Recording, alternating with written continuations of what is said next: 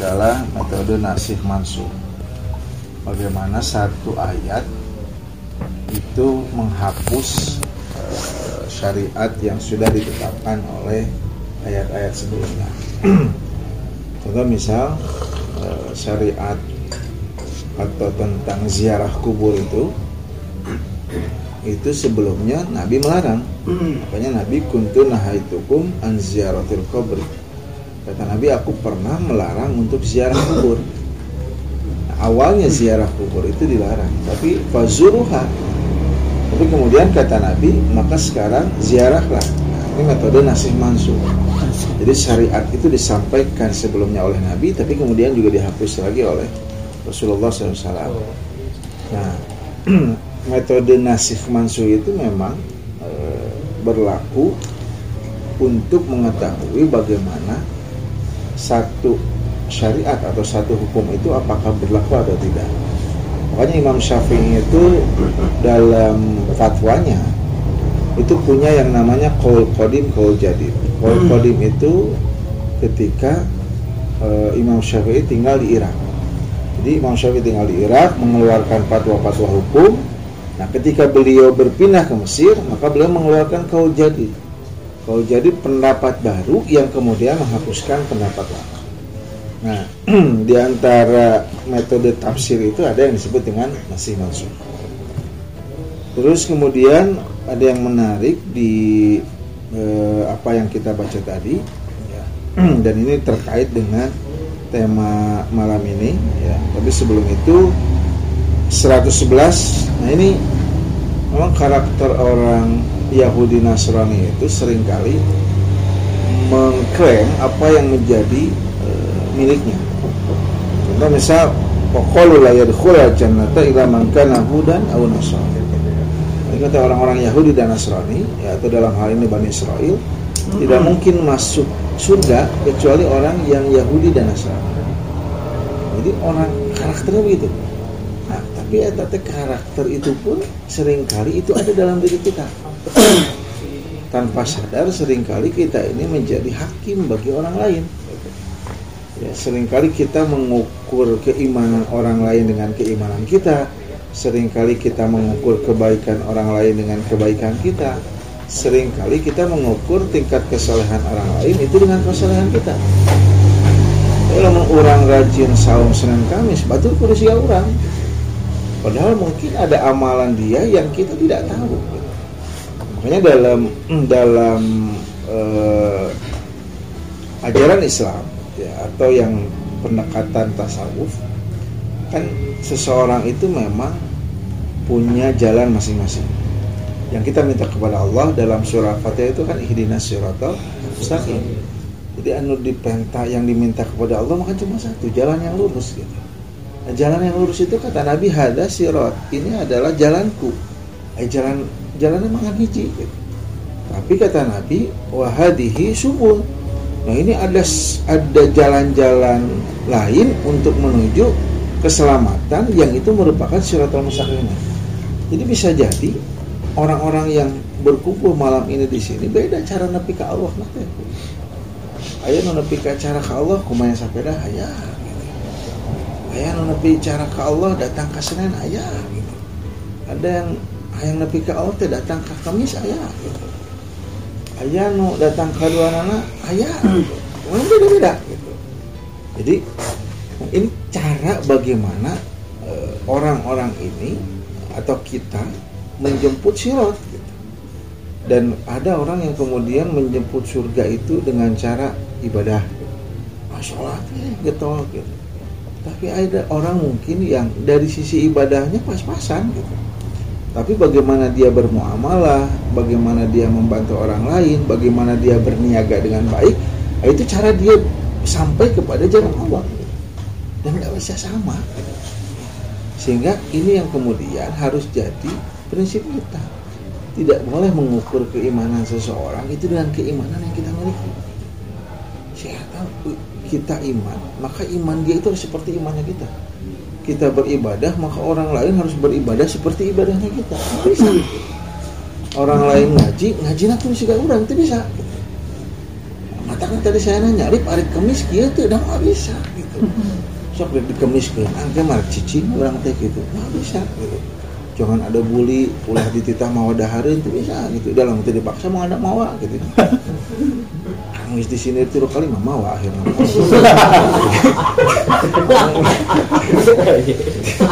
Nah ini kan cara orang sampai kepada apa yang kemudian dimaksudkan oleh Allah. Ini yang disebut dengan syariat. Jadi ada orang yang ya senang dengan syariatnya wah sudah saya mau masih kene resep Senin Kemis ya, saya mau masih kene resep uh, sholat tepat waktu berjamaah di masjid udah gitu tapi mungkin cara dia bermuamalah ada yang orang tidak senang gitu. kan yang gitu ibadah nama rajin tapi jeng tetangga gaul gitu. ada ibadahnya rajin, ngajinya rajin, tapi tatangan nugering tak apa. Ada orang begitu. ada orang yang memang dari sisi syariatnya dia mungkin pas-pasan, tapi bagaimana uh, dia membantu orang lain, bagaimana dia bela untuk orang lain itu besar. Ada orang begitu. Nah ini syariat kita ini beda-beda dan dan inilah jalan kita menuju Allah.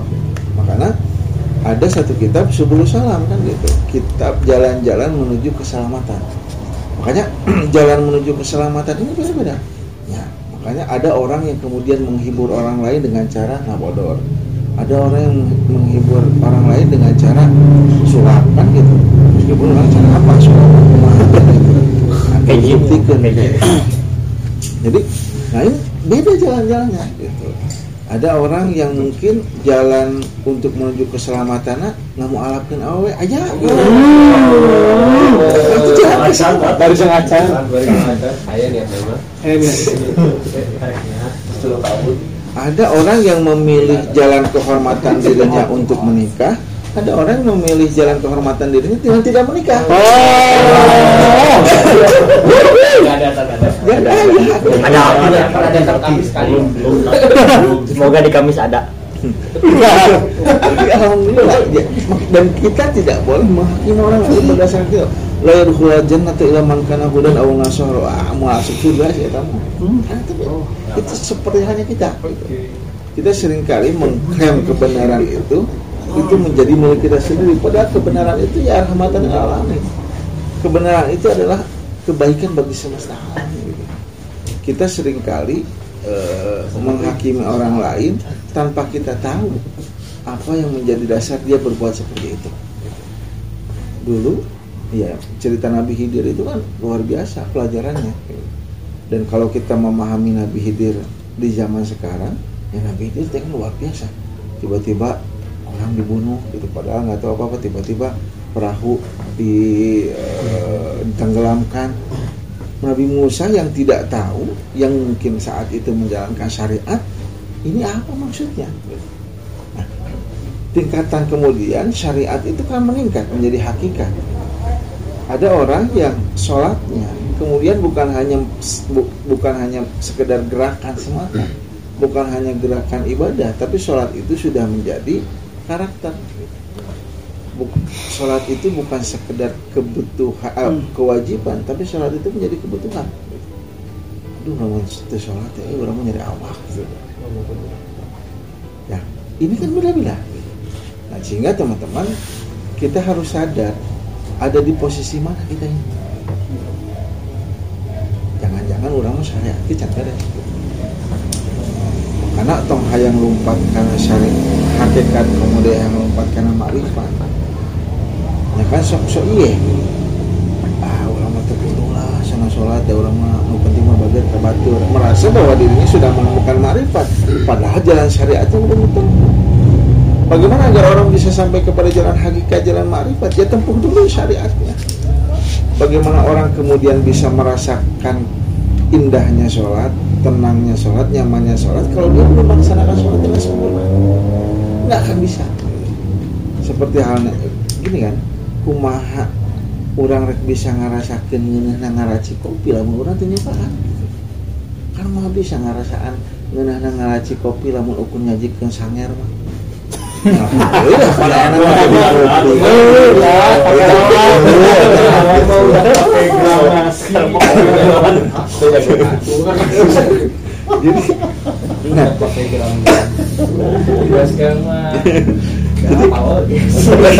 kan orang bisa sampai pada eh, pemaknaan itu kalau dia sudah menyelami gitu. Ya bagaimana orang akan tahu betapa nikmatnya bersepeda kalau dia tidak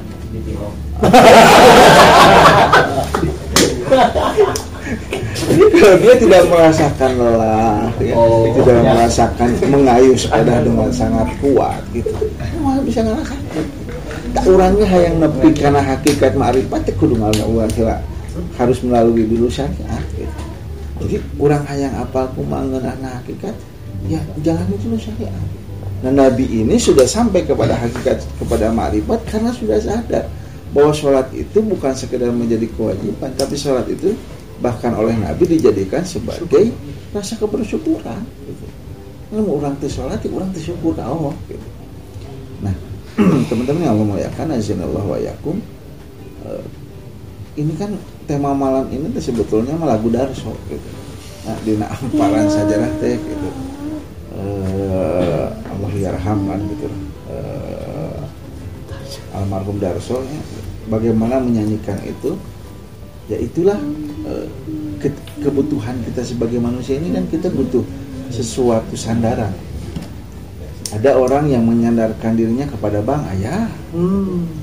Oh, butuh abang we gitu. Ada orang yang menyandarkan dirinya kepada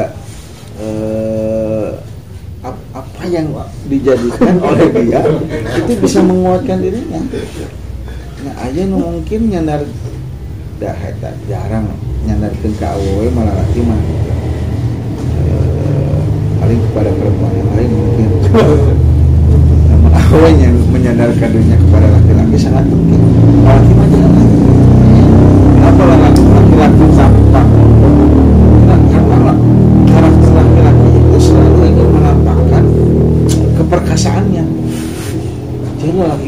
boga masalah datang ka imah teh ngendalikeun masalah padahal satu-satunya bahu yang paling nikmat untuk disandarkan itu bahu seorang istri Aduh, paham. Semua paham, Lip, lah, paham. Mau ngerti-ngerti aja. Eh, Pedro gimana? Jadi, nah Allah di surat Al-Baqarah ya ayat 107-nya kan mengatakan Alam ta'lam anallaha mulkus samawati wal ard. Bukankah apakah kalian tahu bahwa Allah lah yang memiliki langit dan bumi? Wa malakum ya min dunillahi mi waliyyi wala nasir. Dan tidak ada bagi kamu selain Allah itu penolong dan pembela. Jadi teman-teman yang Allah muliakan Allah Nabi eh, Rasulullah SAW itu kan dakwahnya itu terbagi dua fase. Ada fase Makkiyah, ada fase Madaniyah. Kan? Nah, fase Makkah itu dijalani 13 tahun. Ya, fase Madinah dijalani 10 tahun. Sehingga total dakwah Nabi itu 23 tahun. Selama 13 tahun yang Nabi tanamkan kepada para sahabat itu adalah persoalan-persoalan akidah, tauhid. Jadi Nabi tidak bicara tentang syariat. Nabi tidak bicara tentang hukum, tapi Nabi bicara tentang tauhid, penguatan akidah. Baru kemudian di Madinah mulailah ayat-ayat tentang syariat itu turun. Ayat tentang sholat, ayat tentang zakat, ayat tentang jual beli dan seterusnya. Nah, 13 tahun pas di Mekah, Nabi ini dibagi menjadi dua. Tiga tahun Nabi berdakwah secara syariah atau sembunyi-sembunyi. 10 tahun Nabi ini berdakwah secara terbuka. Ya. Tiga tahun Nabi berdakwah secara sembunyi-sembunyi. Yang dibangun oleh Nabi pertama kali adalah koneksi. Ya. Koneksi itu adalah cara Nabi menguatkan dakwahnya. Dan sebetulnya mah, karena Nabi sudah dijamin bahwa dakwahnya ini pasti akan berhasil, Nabi sebetulnya bisa melakukan sendiri. Tapi Nabi tidak melakukan itu. Kenapa? Karena Nabi ingin citra Islam itu baik.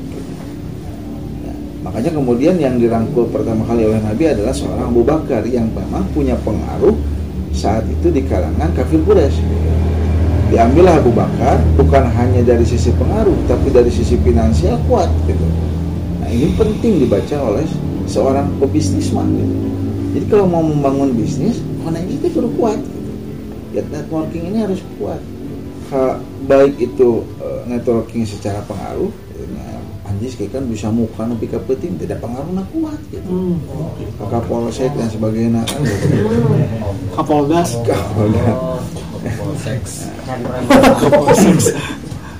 jadi jadi peta dakwah Nabi itu kalau mau diterapkan dalam peta bisnis bisa jadi bagaimana Nabi merangkul Abu Bakar yang pada saat itu punya pengaruh punya eh, kuat dari sisi pengaruh kuat dari sisi finansial dan kuat dari sisi networkingnya makanya begitu Abu Bakar diambil kan yang kemudian ikut kepada Abu Bakar banyak Utsman akhirnya ikut Bilal akhirnya ikut eh, eh, Hamzah akhirnya ikut dan seterusnya dan seterusnya. Nah, tiga tahun Nabi membangun dakwah secara sembunyi-sembunyi. Nabi kemudian ketika jumlah sahabat yang sudah masuk Islam itu kurang lebih 30 orang, ya, 30 orang, barulah Nabi membentuk markas. Markas ini pusat dakwah eh, terhadap sahabat. Siapa yang dijadikan eh, markas, jadi tempat eh, dakwahnya itu rumahnya Al Arqam. Ya, rumah Al Arqam ini dijadikan pusat dakwah. Sehingga teman-teman ini yang harus jadi eh, hikmahnya itu adalah kalau kita ingin membangun sebuah komunitas, kalau kita ingin membangun sebuah pergerakan, ya bahkan ketika kita ingin membangun bisnis, jadi pusat pengkajian, pusat riset, pusat analisis itu harus besar. Gitu.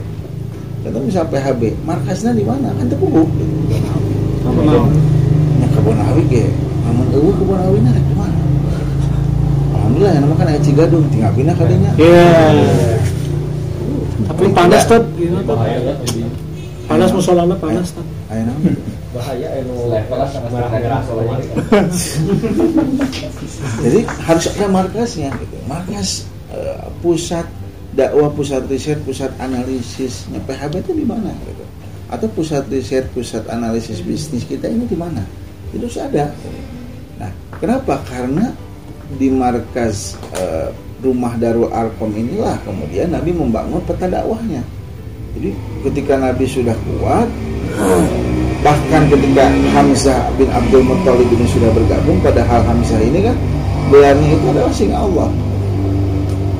Disegani oleh orang-orang kafir Quraisy, tapi bayangkan ketika Nabi sudah punya kekuatan finansial, bahkan sudah punya kekuatan politik. Ini kan Hamzah ini eh, bangsawan, dia politikus dan juga jawara lama lagi nama gitu. Tapi bayangkan ketika Nabi sudah punya kekuatan itu pun Nabi tidak berani untuk mendakwahkan Islam secara terbuka. Kenapa? Karena can cukup gitu. Jadi tidak bisa kita rurusuhan gitu. Ulah yang muka cabang arinya ho cabangnya tapi sepieun mah gitu. Jadi hayang muka cabang di antapani, antapannya coret gitu kan. Yang mudah-mudahan ramai insya Allah. Saha sih?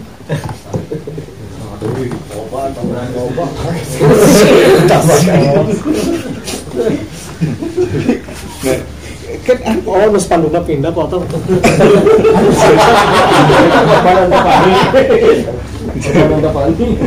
Jadi kan, Nabi membangun tiga tahun dakwah Syria di rumah Arkom ini itu harus dibaca ke, tukang bisnis mah itu Nabi itu kena riset gitu. Ini dakwah ditinggali. Oh iya iya. Cukup itu ya. Ulang nyen cabang teh. Oh itu lawaka ya gitu. Eh can kuat gitu. Ya kan? Iya makan nyen eh, cabang di Antapani pada nu pusat teu payu pindah ke cabang. cabangna nu pusatna payu tinggalkeun deui cabang gitu. Oh. Akhirnya nyeun cabang anyar gitu kan. Akhirnya spanduk di mana-mana.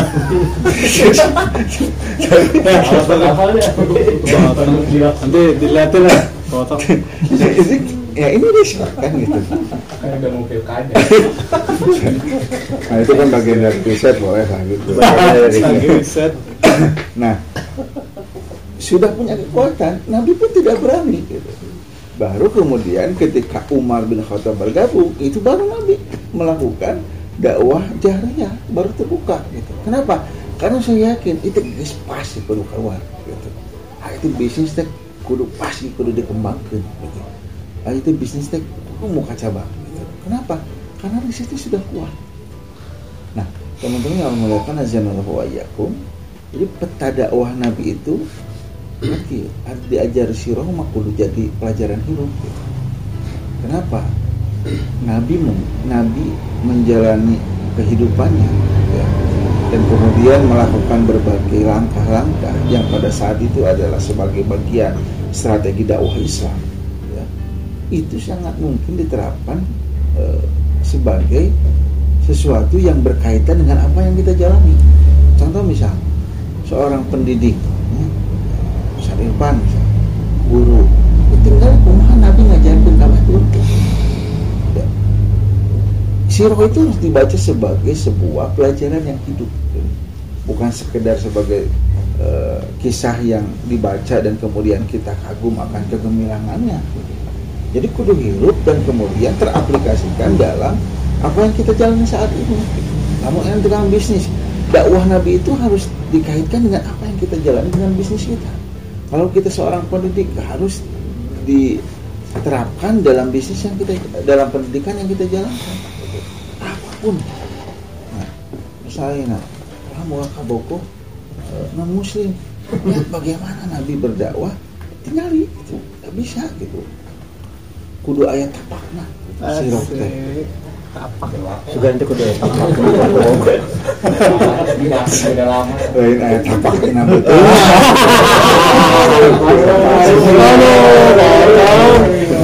Kan?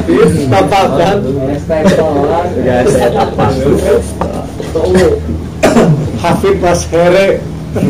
Basir. Mas Here. Sore. Kan itu bentuknya hubungan sih. Jadi dakwah itu kan harus berefek. Jadi lamun orang ayeuna PHB ngumpul berapa tahun tapi kemudian tidak berefek apa-apa bahkan untuk diri kita sendiri ya tidak ada hikmahnya orang kumpulan siga kita gitu nya selain sekadar hahihi atau sekadar dahar gorengan gitu nya jadi kudu aya gitu bebenangan anak minimal aya bebenangan ke kenal gitu Ya. Seragam.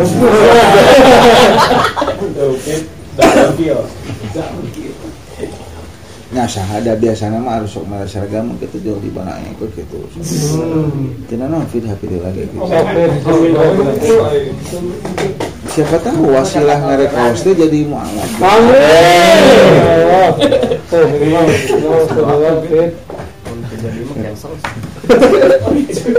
Saha nu ngarek teh kudu jadi objek eh, dakwah juga. Kan ieu sambalado beres kan. Mau mau mau disinggung deh mau apa? Para kan.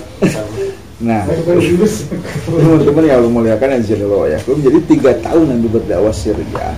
Apa yang Nabi ajarkan kepada para sahabat itu adalah apa yang terkandung dalam surah Al-A'la.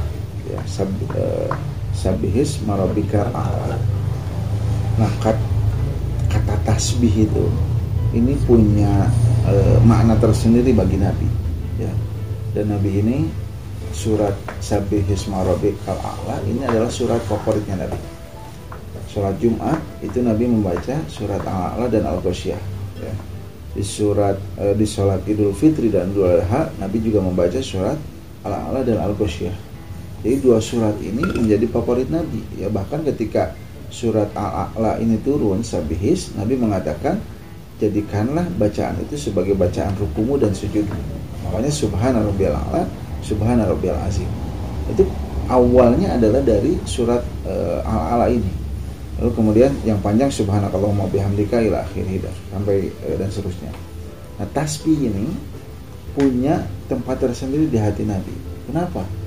Karena teman-teman yang Allah muliakan azan Allah yakum, kata tasbih itu kalau kata Nu'man Ali Khan ya eh, salah seorang dai Amerika ya, tasbih itu kan asalnya itu dari sabaha yasbahu.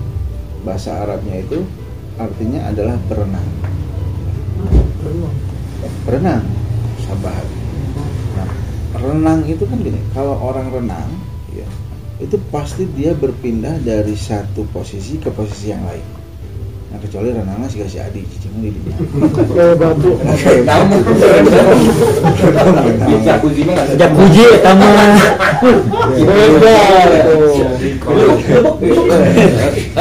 eh sama berenang lain berenang berenang. Jadi hari berenang makan pindah berpindah berpindah dari pos satu posisi ke posisi yang lain.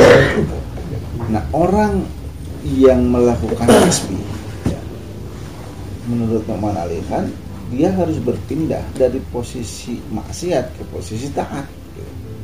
Dia harus berpindah dari posisi negatif ke positif. Dia harus berpindah dari posisi buruk menjadi baik berenang kudu gitu lamun orang ayat keneh dina maksiat berarti orang itu berenang lain berenang nah yang kedua renang itu ya filosofinya berenang itu kan pasti harus menjaga stabilitas agar tetap ada di atas sebab lamun renang kahandap ya titulung marana gitu.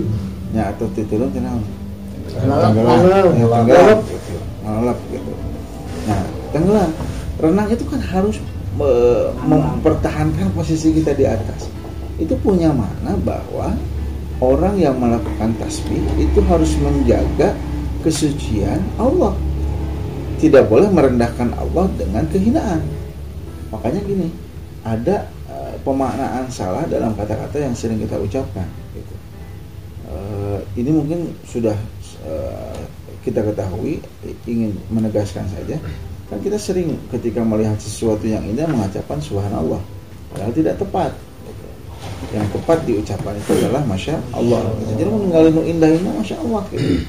tapi lamun meninggali sesuatu anu eh tepantes gitu itu ucapnya adalah subhanallah. Gitu jadi lamun aya pentingnya aya awewe datang ke orang subhanallah adi. Tong atoy tapi berarti orang goreng gitu subhanallah gitu Masya Allah. Innalillahi. Emang orang itu sering bikin kilas gitu. Oh. tapi lamun aya masya Menyenangkan Allah gitu. itu berarti kita indah gitu. Masya Allah. jadi lamun subhanallah itu makanya subhanallah ya amma yusyrikun kan gitu ayat lagi maha suci Allah dari hal-hal yang mereka sekutukan Allah mah suci dari apa pun yang mereka sekutukan dari berhala patung dan semuanya suci Allah ini. Tapi masya Allah ini ya Allah yang berkehendak menciptakan makhluk indah ini. Ini kurang ninggali sesuatu indah masya Allah. Bukan subhanallah nah ini terbalik gitu. Kenapa? Karena itu tadi subhanallah ini atau tasbih ini punya pemaknaan e, berasal dari kata sabaha yang artinya berenang menjaga agar Allah ini tetap ada di posisi mulia. Gitu. nah teman-teman yang muliakan azanallah wa yakum kata tasbih itu kan maha suci Allah. Ya, ini nyambung. Jadi kita sering kali berucap tahmid. Ya mengucap alhamdulillah alhamdulillah. Dan kata Nabi Abdul Dzikri alhamdulillah. Sebaik-baik zikir seutama-utamanya zikir itu adalah hamdalah. Ya, kenapa? Sebab dalam hamdalah itu eh, terkandung berbagai ungkapan kebersyukuran kita kepada Allah Alhamdulillah segala puji bagi Allah. Tapi kan kalimat ini menjadi tidak punya makna apa-apa. Ya, orang tiap tiap sholat beres sholat mengucapkan 33 kali. Alhamdulillah, alhamdulillah, alhamdulillah. Ya. Tapi ucapan ini tidak punya makna sama sekali kalau kita dalam keseharian hayaknya dipuji gitu. Ya. Yang konten hayang dipuji. Ya, tampil di TikTok hayang dipuji kan gitu. Apa pun lah.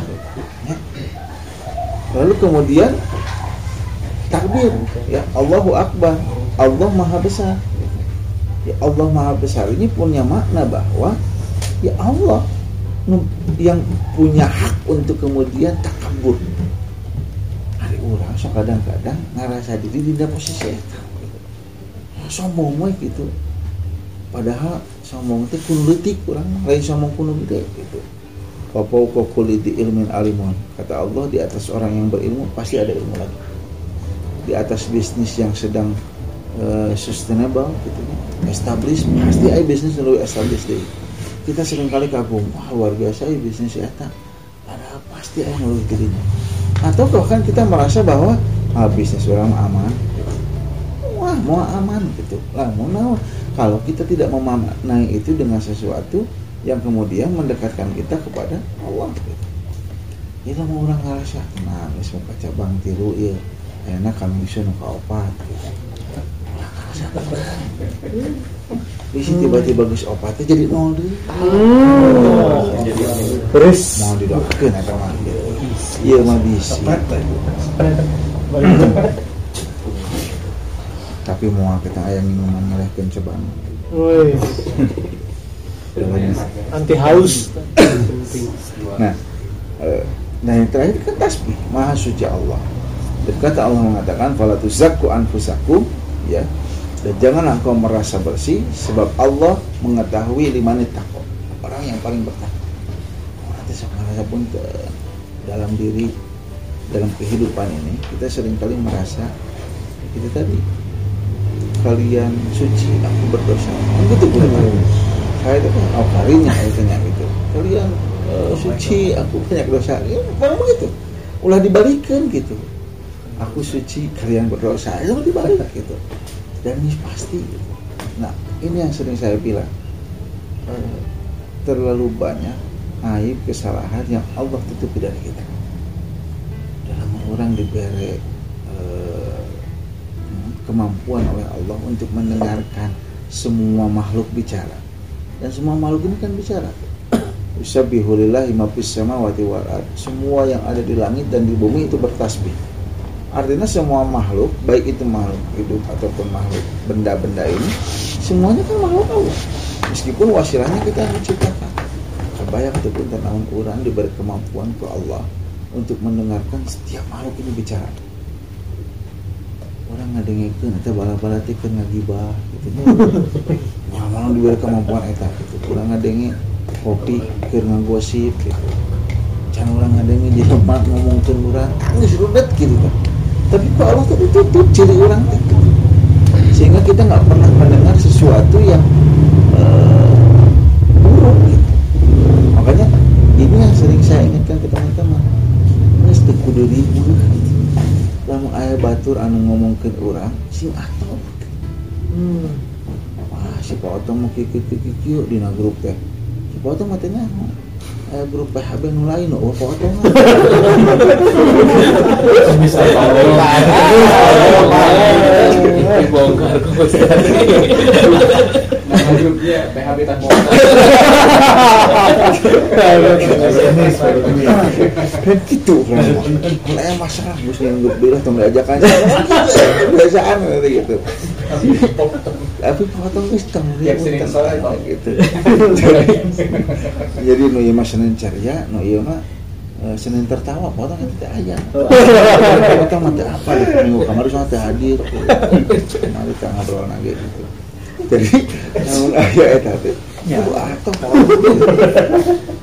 Nah, Iya kalau ada orang membicarakan kita, membicarakan keburukan, sing bersyukur kan, nah, itu ada Eh, cek eh, Imam Ja'far Sadiq mah keburukan yang kalian bicarakan itu tidak lebih banyak dari keburukan yang aku ketahui. Ini mau ngomongkan stick ranjang dan sebagainya, Sepeda, mah sepeda, sepeda. dan sebagainya. Gitu. Beda baik Jelas, beda baik di belakang. Ya kan. Eh, sepeda mah pan hareupeun diomongkeun aja. Ya, ya. dan fakta-fakta. Parkirnya juga di depan anjing.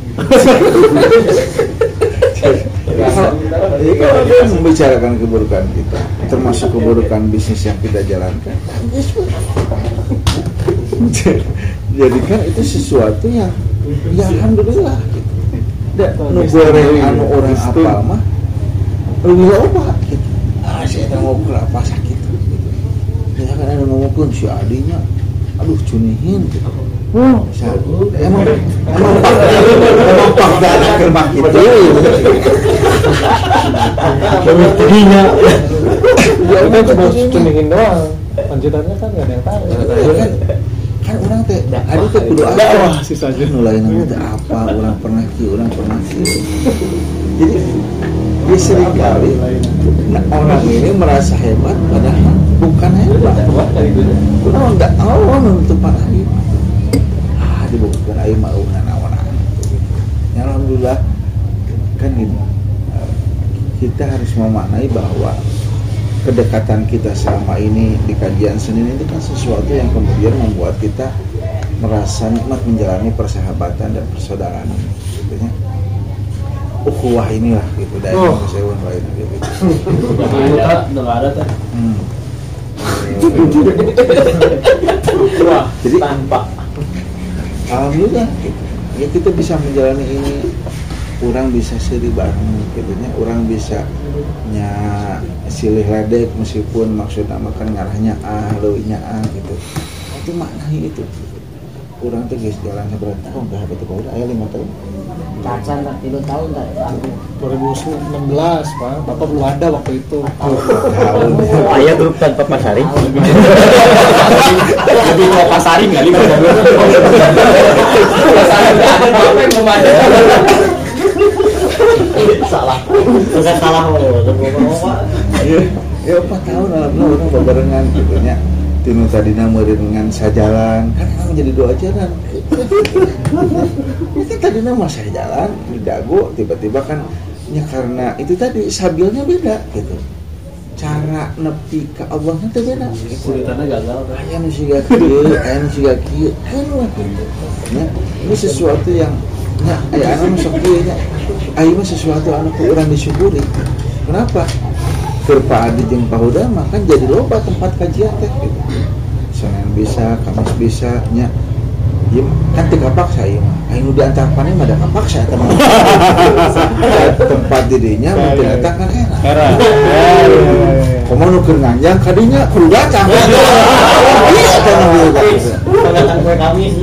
Jadi nah, ini sesuatu bisa merasa bersyukur gitu. Eh, dan tidak dijadikan ini sebagai sebuah eh, kompetitor gitu. Ah kurang ada bebarengan dari dina dakwah bareng gitu. jadi cara lebih ke Allah nanti jalan nu beda jadi masalah gitu. Nu penting mah urang nu dipentek Allah sarua ihdina siratal mustaqim. Mun kitu al-fatihahna beda karek masalah gitu. Deui mah al-fatihah ge sarua kene bari bacaan ge salah kene kan gitu. Diajarkan gitu. Jadi eh, nah ini falatuz zakwa fasaku ya teman-teman yang Allah muliakan azanallahu wa iyyakum. Tasbih itu itu juga menyadarkan kita bahwa mau malakum min dunillahi mi wali wala nasir reksa kumaha hebatna urang reksa kumaha urang jago dina sapeda Hmm. reksa kumaha orang jago dina bisnis reksa kumaha orang jago dina nanaon jadi o malakum min dunillahi mi wali wala nasir teu make Allah mah beres kabeh beres naon geus daai lah gitu. Jadi rek bisnis make Allah manjang ya. tapi mau tidak hubungan tanpa Allah sama nggak akan berjalan dengan baik gitu ya. Jadi kudu make Allah nya saya kita hendak Habib, Eh, Habib, Habib, Habib, Habib, Habib, Habib, Habib. alif alif alif alif apa pun Kalau kalau yang tanpa Allah pasti Ketika kita punya masalah harus lompat ke sana. Kenapa? Karena bisnis sama Allah. Ketika orang boga masalah di bisnis ya lompat ke sana. Makanya ketika tidak ada orang lain yang bisa menampung cerita kita, nya di namparan saja ada. Dan itu pangenal tempat ke numpahkan segala masalah. Susah aja sajadah kita bisa diajak ngomong gitu. Tapi dina hamparan sajadah teh kan sebetulnya. Anu dimaknai dina lagu dahar mah betapa manusia itu punya satu kesempatan. Yang kata Nabi aqrabu ma yakunul abdu min wa huwa sajid.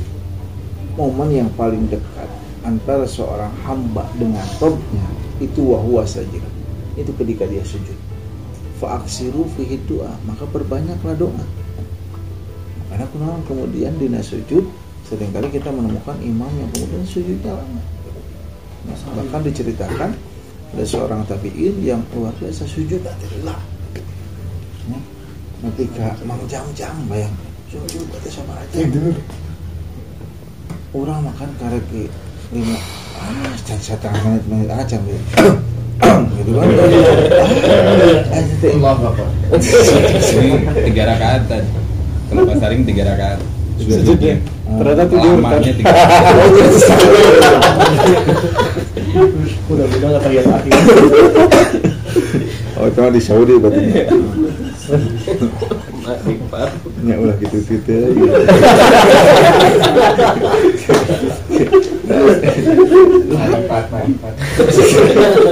Nggak dicabut nyawanya, gue dibalikin lagi.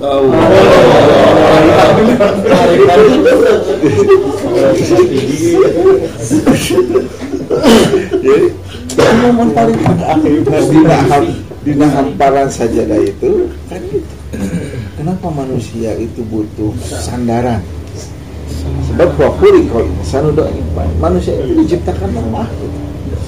Reksa kuat. Kuatnya lemah diberi masalah modal ieu gitu ya. Cek orang boga bisnis loba ada masalah. Dan percayalah semakin berkembang bisnis semakin besar masalah kita. Namun bisnis ayeuna sebandringan hiji masalah dengan hiji. Tapi lamun sebandring mau kaca bang tilu masalah kan jadi tilu. Pikiran kawin. Jauh lah, jauh. Jauh tina pikiran atau apa? positif nama bagi banyak cabang bagi banyak potensi Peluang, di pernikahan Kudu nah mah. Mun ngatur mah. semakin banyak masalah eh, semakin banyak beban ya, semakin banyak masalah ditanggung jawab gedenya beban aja pasti lebih gede wahuli kalau insan udah ipan dan sekuat kuatnya manusia pasti lemah ada titik lemah Allah dan di titik lemah itulah pasti orang dorong sesuatu. anu kemudian muajar orang. Saha? Ya Allah. Nyarita ke udah geus bisa. Nyarita ke Teu bisa. Nyarita ke Pak Syarif dicarekan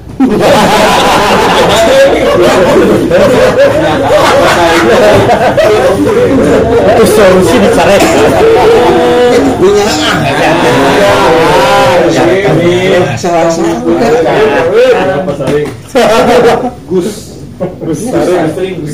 Besar. nyarita ke majikan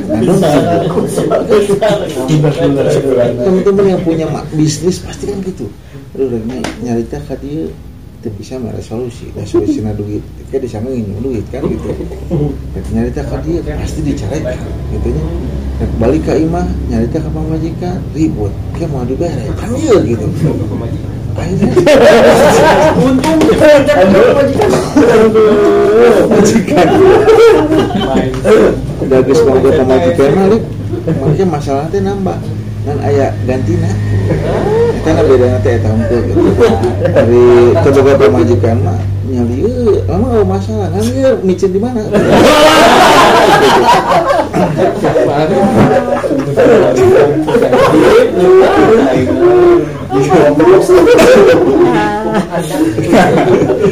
Kompos, Nah, ketika tidak orang lain, ketika tidak ada orang lain ya- yang bisa menampung semua masalah kita, kan yakin ya, tempat kita untuk bersujud. Gitu. Makanya Nabi mah lepas dari semua masalah itu sering mengatakan kepada Bilal, arihna bisolat. Ya Bilal, arihna bisolat. Wahai Bilal, arihna. Arihna teh roha ya ruhu roha. Jadi tenangkeun roha teh istirahat Bilal tenangkan kami dengan sholat dan Nabi mah geus manggih ketenangan di sholat kalau mau orang ku sholat jadi rudet kene gitu. Ah salah jeung sholat kita nu salah dengan komunikasi kita dengan Allah. Ah, orang mesti bisa nyarita ka makhluk nyarita ka Allah. Itu beres kumaha gitu. Makanya eh, dina hamparan sejarah itu menyiratkan kepada kita bahwa satu-satunya tempat yang paling bisa mendengarkan curahan kita meskipun yang komunikasi orang di Allah tidak seperti komunikasi kita dengan makhluk. Karena mungkin bisa eh, sharing dan sebagainya. Tapi komunikasi kita dengan Allah numpahnya segala masalah kita makanya kemudian namun mas ketika kita punya masalah dan yakin masalah kita ini tidak bisa diselesaikan dengan cara makhluk maka selesaikanlah dengan cara Allah. Kuma cara lakukan sesuatu yang orang lain tidak melakukan. Contoh ketika orang lain tidur orang tak sare kumaha? Ketika orang lain tertidur lelap maka kita jangan ter, jangan tertidur. Tapi lakukan komunikasi dengan Allah dengan cara qiyamul ketika orang tidak bisa menahan laparnya mah tahan lapar orang. Dengan cara apa? Dengan cara sabar ketika orang tidak berani mengeluarkan apa yang menjadi miliknya orang mah keluar ke naon anu ketika cinta orang. Karena itulah jalan pembuktian kita bahwa orang itu butuh Allah kan kita ini gitu orang itu kan boga pengalaman hidup. Pengalaman hidup yang paling banyak ya juga pasti pasaring kan gitu. Kenapa? Ya secara usia lah gitu. hari hari iya. Mas pasti pahura tuh. Kafe geus tutup geus pengalaman gitu kan pengalaman hidup ini mah kita punya gitu ya. Ya Pak Yoga itulah. Pengalaman hidup sekian banyak nak gitu ya. Sampai harus eh, nyak renggang dengan sahabat. Kan. Masih tadi drama sekali ya. Sama saya maksudnya. Sampai harus kehilangan mobil-mobil yang dicintai. Ternyata pengalaman hidup kecil dan gede. Namun namun pengalaman hidup pengalaman hidup eta teh ngajadikeun urang punya sesuatu anu bisa dijadikan sandaran urang dina menghadapan masalah dalam menghadapi masalahnya. Rugi. Kan? Sebetulnya gini teman-teman yang Allah muliakan azab yakin kalau kita boleh menuliskan diary kan orang tuh sebenarnya bisa ngukur lah. Orang tuh jadi ahli surga atau ahli neraka. Misal Pak Otong ingat lah. Di di mimiti balik nepi ka ayeuna ingat kena dosa ingat kena pahala ingat kena amal.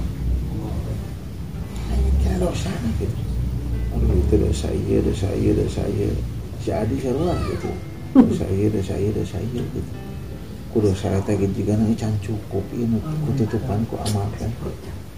Nah ini penting nanti nah hasibu kobra hasabu jadi hasibu antu sakun berantu hasabu teh yang kata Umar bin Khattab hisablah kalian sebelum Allah menghisab jadi sebenarnya orang masih bisa ngitung gitu. Masih bisa ngitung oh persediaan amal orang sakit oh kurang sih karena mau ini mungkin mah itu gejoskin atau ya, contoh. Itu misal orang yang meminum minuman khamar maka tidak akan diterima sholatnya. Ya. Kecuali Nikmas. Stefan Stefan. Orang yang kemudian pernah bertanya kepada orang pintar ya, ITB lah. Bisa Begitu itu orang yang pernah nanya kepada orang pintar kata Nabi tidak akan diterima sholat Tidak akan diterima. Lah nanya ke Pak Adik. loh gitu dia pun pikir-pikir mah aduh loba pisan sehingga ah orang yang bisa ngukur ku diary yang kita dengan diary yang kita tulis dengan catatan yang kita tulis kita sebetulnya sudah tahu di posisi mana orang teh. Tahu di posisi orang kita orang sadar bahwa orang teh di posisi mana. Terus kemudian kita tidak mau bergerak beki rugi. Nah, terus kumaha balik balik ke mana? Balik ke amparan saja. Benerin sujud orang. Benerin sujud kita. Benerin sholat kita. Benerin cara kita bersyariat. Benerin cara kita bermuamalah eh, bisnis bagian tidak syariat bagian. Misal orang selama iya bisnis tidak pernah berzakat zakat sama benar. Misal bisnis kita selama ini tidak pernah mengeluarkan sedekah keluarkan sedekah. Misal bisnis kita selama ini sering merampasak orang lain ganti dengan cara bersedekah juga. Misal selama ini kita berbisnis tapi kemudian kita sering menzalimi orang lain. Ya rek teh distributor rek teh supplier ya konsumen dan sebagainya. Ya kan kita tahu. Oh selama ini orang teh bermisal dengan cara yang salah berarti kita selama ini menjalankan bisnisnya dengan cara ya. contoh misal sama iya foto nu disajikeun kacida ngeunahna begitu eta ah, demi HPP demi margin agar dapat lebih gitu ya. Eta nu dina foto teh dikurang-kurangan sambalna tadina kieu ah kurangan lah make sambal nu lain lah Dino foto kentang 10 bukan Itu gua asli sih. Segala mau lu pakai sambal lah. Bel- Belakangan ada lado-ladonya. Tapi misalnya kalau hari ini. Kali yang kita buktikan. Kita buktikan Lewati cewek. Kan itu bohong bohong. Di foto IG-nya ada cewek. Laki-laki. Yang itu udah keluar, Pak. Jadi sering kita tanpa sadar dalam bisnis pun menjalankan sesuatu anu udah pasti dan banjir asli ya, yang terkecil lah. Foto tapi ada. Eh, karena semua di sini rata-rata owner lah bisnis ya aya nu owner owneran aya gitu. Krem-kreman gitu. Tapi kan gini satu yang harus kita perhatikan saat kita berbisnis. Satu tunaikan hak orang lain. Itu sih. Tunaikan hak orang lain. Hak orang lain itu sah loba Ya, satu hak karyawan. Ulah dituna-tuna Oh. kajian kena ngajual Innova Biasa, biasa. bukan kajian kena ngajual terima kasih Pak Pria Oh, Pak Pria. Biasanya nggak lah. Kacau Kacau mau juga Kacau biasa ini kajian kena ngajual piante Iya. kasih dulu dong Terima kasih Pak Pria. tapi tapi hak, orang ya lain sih belum dicoba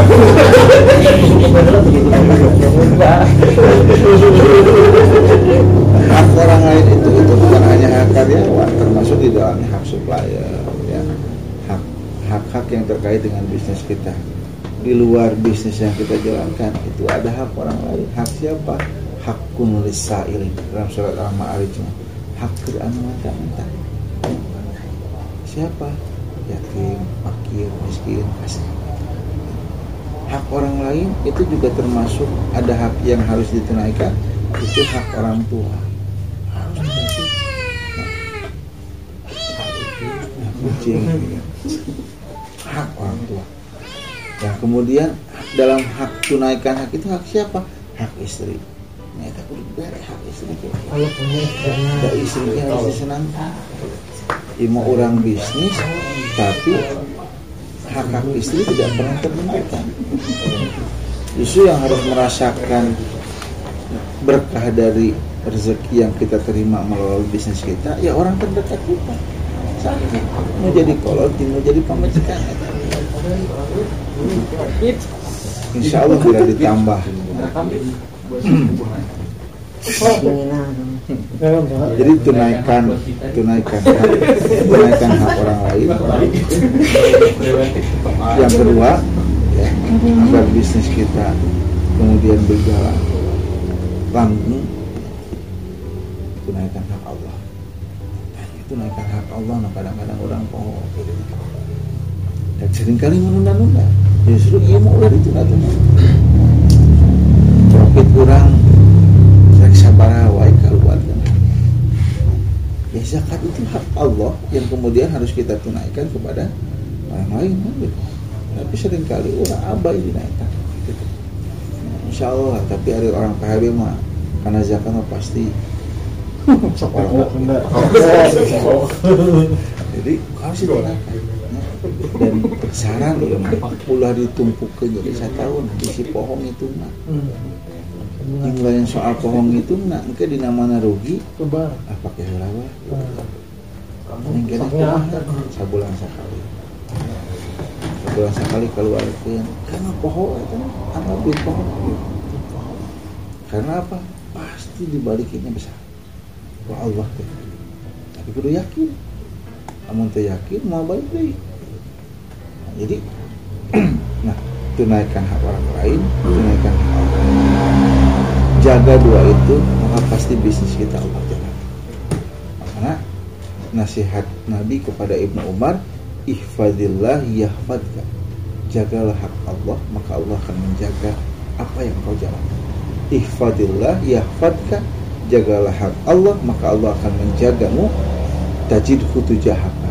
Lain saukur diganti ku Allah. Lain saukur dijaga bisnis orang tapi tajidhu tujahaka.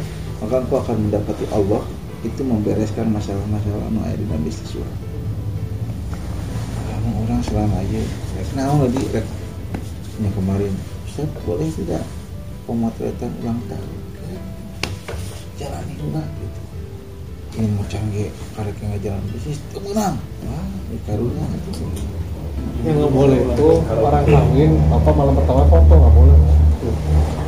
Kalau video boleh. Jalan dulu ya tapi kan di bisnis foto ya pasti aja kalau bisa tunaikan harapan lain tunaikan Allah sampai saya mah kan wajib zakat cuma atuh sedekah keluar kamu sedekah dikeluarkan infak nak keluar jadi nah kan ada zakat dan infak bentuknya material harta. Ya. zakat dua setengah persen infak juga ya bagian dari zakat itu ya infak tapi ketika kita tidak bisa mengeluarkan zakat tidak bisa mengeluarkan infak nah sedekah itu adalah jalan terakhir bagi siapa pun yang ingin berbagi dengan orang lain. Dari sedekah mah kudu ku harta sedekah mah ku tenaga bisa. Bahkan ku ngereng yang kabatu ge bisa. Nah, jadi sedekah. Ah, orang can bisa zakat tapi bisa ngereng yang kabatur mau ngarah teu kapake bisa jadi sedekah sedekah kita apa yang bisa kita lakukan? Ada orang siri-siri kabatur tiap isu eh, gitu dah harap beriman yang lewat siri eh, baik gitu. Nah cina padi mau isu siri. Nggak sudah kok gitu kalau jangan jangan Pergi kerja. jadi ini jangan sedekah balik lagi kepada tema jadi di hamparan sajadah itu menyeratkan kepada kita bahwa sujud itu adalah sesuatu yang sangat disenangi Allah. Makanya dan inilah juga jalan yang disenangi oleh Allah. Tak orang lamun sujud di sholat berjamaah makan kuma imam. Maka kapan kita punya momen untuk sujud kepada Allah dalam momen yang sangat romantis? Ya sholat malam, sholat malam, sholat duha, dalam sholat-sholat sunat kita tumpahkan segala pengajian tumpahkan segala masalah. Kita sujud kita hamparan sajadah kamu ayah namakan kudu mau sajadah masing-masing. Jadi sajadah nanti pasti beda. Tumpahkan masalah orang kita sajadah tumpahkan semua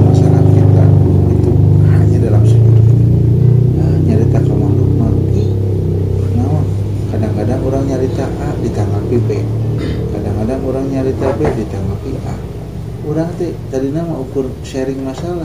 Nggak selangsung wah asyik lagi duitnya. Lah apa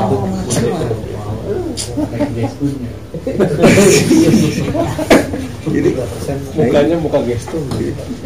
berharap kepada makhluk itu berharap kepada siapa? Kafiru ilallah berharap kepada Allah. Dan berharap aja mama lo bakal kecewa nah dibanding senang ini teman-teman yang Allah muliakan azan wa yakum ya. Dari momen Senin mah ini adalah momen kesadaran kolektif. Karena ada jelema teh innal insana lafi khusri. Manusia itu pasti illa ladina amanu wa sholihat kita pasti punya modal iman dan amal masing-masing. Iman saya amal soleh saya iman pahuda amal soleh pahuda kita punya bekal itu tapi yang tidak kita punya adalah kesadaran kolektif. Watawasau bil haq. Watawasau balik ka imah mana anu tepikeun diri teh poho maka untuk membuat kesadaran kolektif itu terbangun lagi kudu ngumpul deui Senin mah. Selain sebagai momen ukhuwah ya, tapi juga sebagai momen itu tadi. Kerangkanya adalah tawasobil hak wa tawasobil momen untuk membuka mengingatkan menguatkan kesadaran kolektif kita bahwa orang itu sorangan.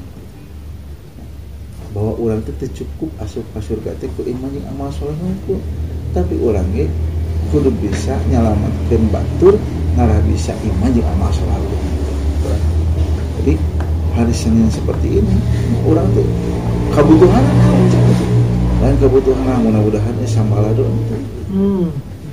Kebutuhan untuk bertemu dengan teman. Anu mungkin selama iya ngan heureuy dina WhatsApp pangide teh nu tadina masalah jadi cair tuh anu duh urang teh geus sono aya di mesam teu datang-datang deui. Nah. tiba-tiba mau ngantar mesam deui. Apaan juga? balik deh. Foto masuk serius. Jadi momen untuk itu orang boga masalah di data datang di teh takut karena eh, ya karena mah sok nah, ngajadikeun Senin itu ya kebutuhan gitu. kebutuhan yang panggil paling itu resep gitu ngabuli batur titah mau tahun teh gitu kayak gitu Jadi dari saya makan ngajakna ai aplikasi nama kenu disindir mah gitu. Da teu mawa piraku Mawa nggak jadi sodako ke mana nama. Gitu. Amun teu mawa tiap minggu terus dibahas itu.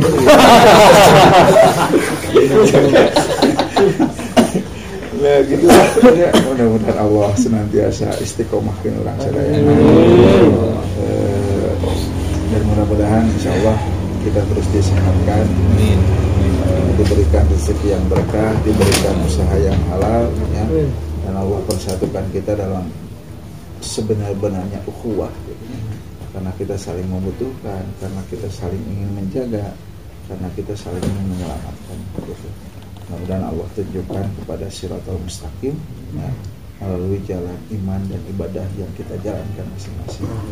Kita tutup dengan doa kafatul majlis. Subhanallah bihamdika asyhadu an la ilaha illa anta astaghfiruka wa atubu ilaik. Assalamualaikum warahmatullahi wabarakatuh masih boleh tanya-tanya? Boleh. Boleh. Maka uh, eh, sahabat bilah kali ada yang mau di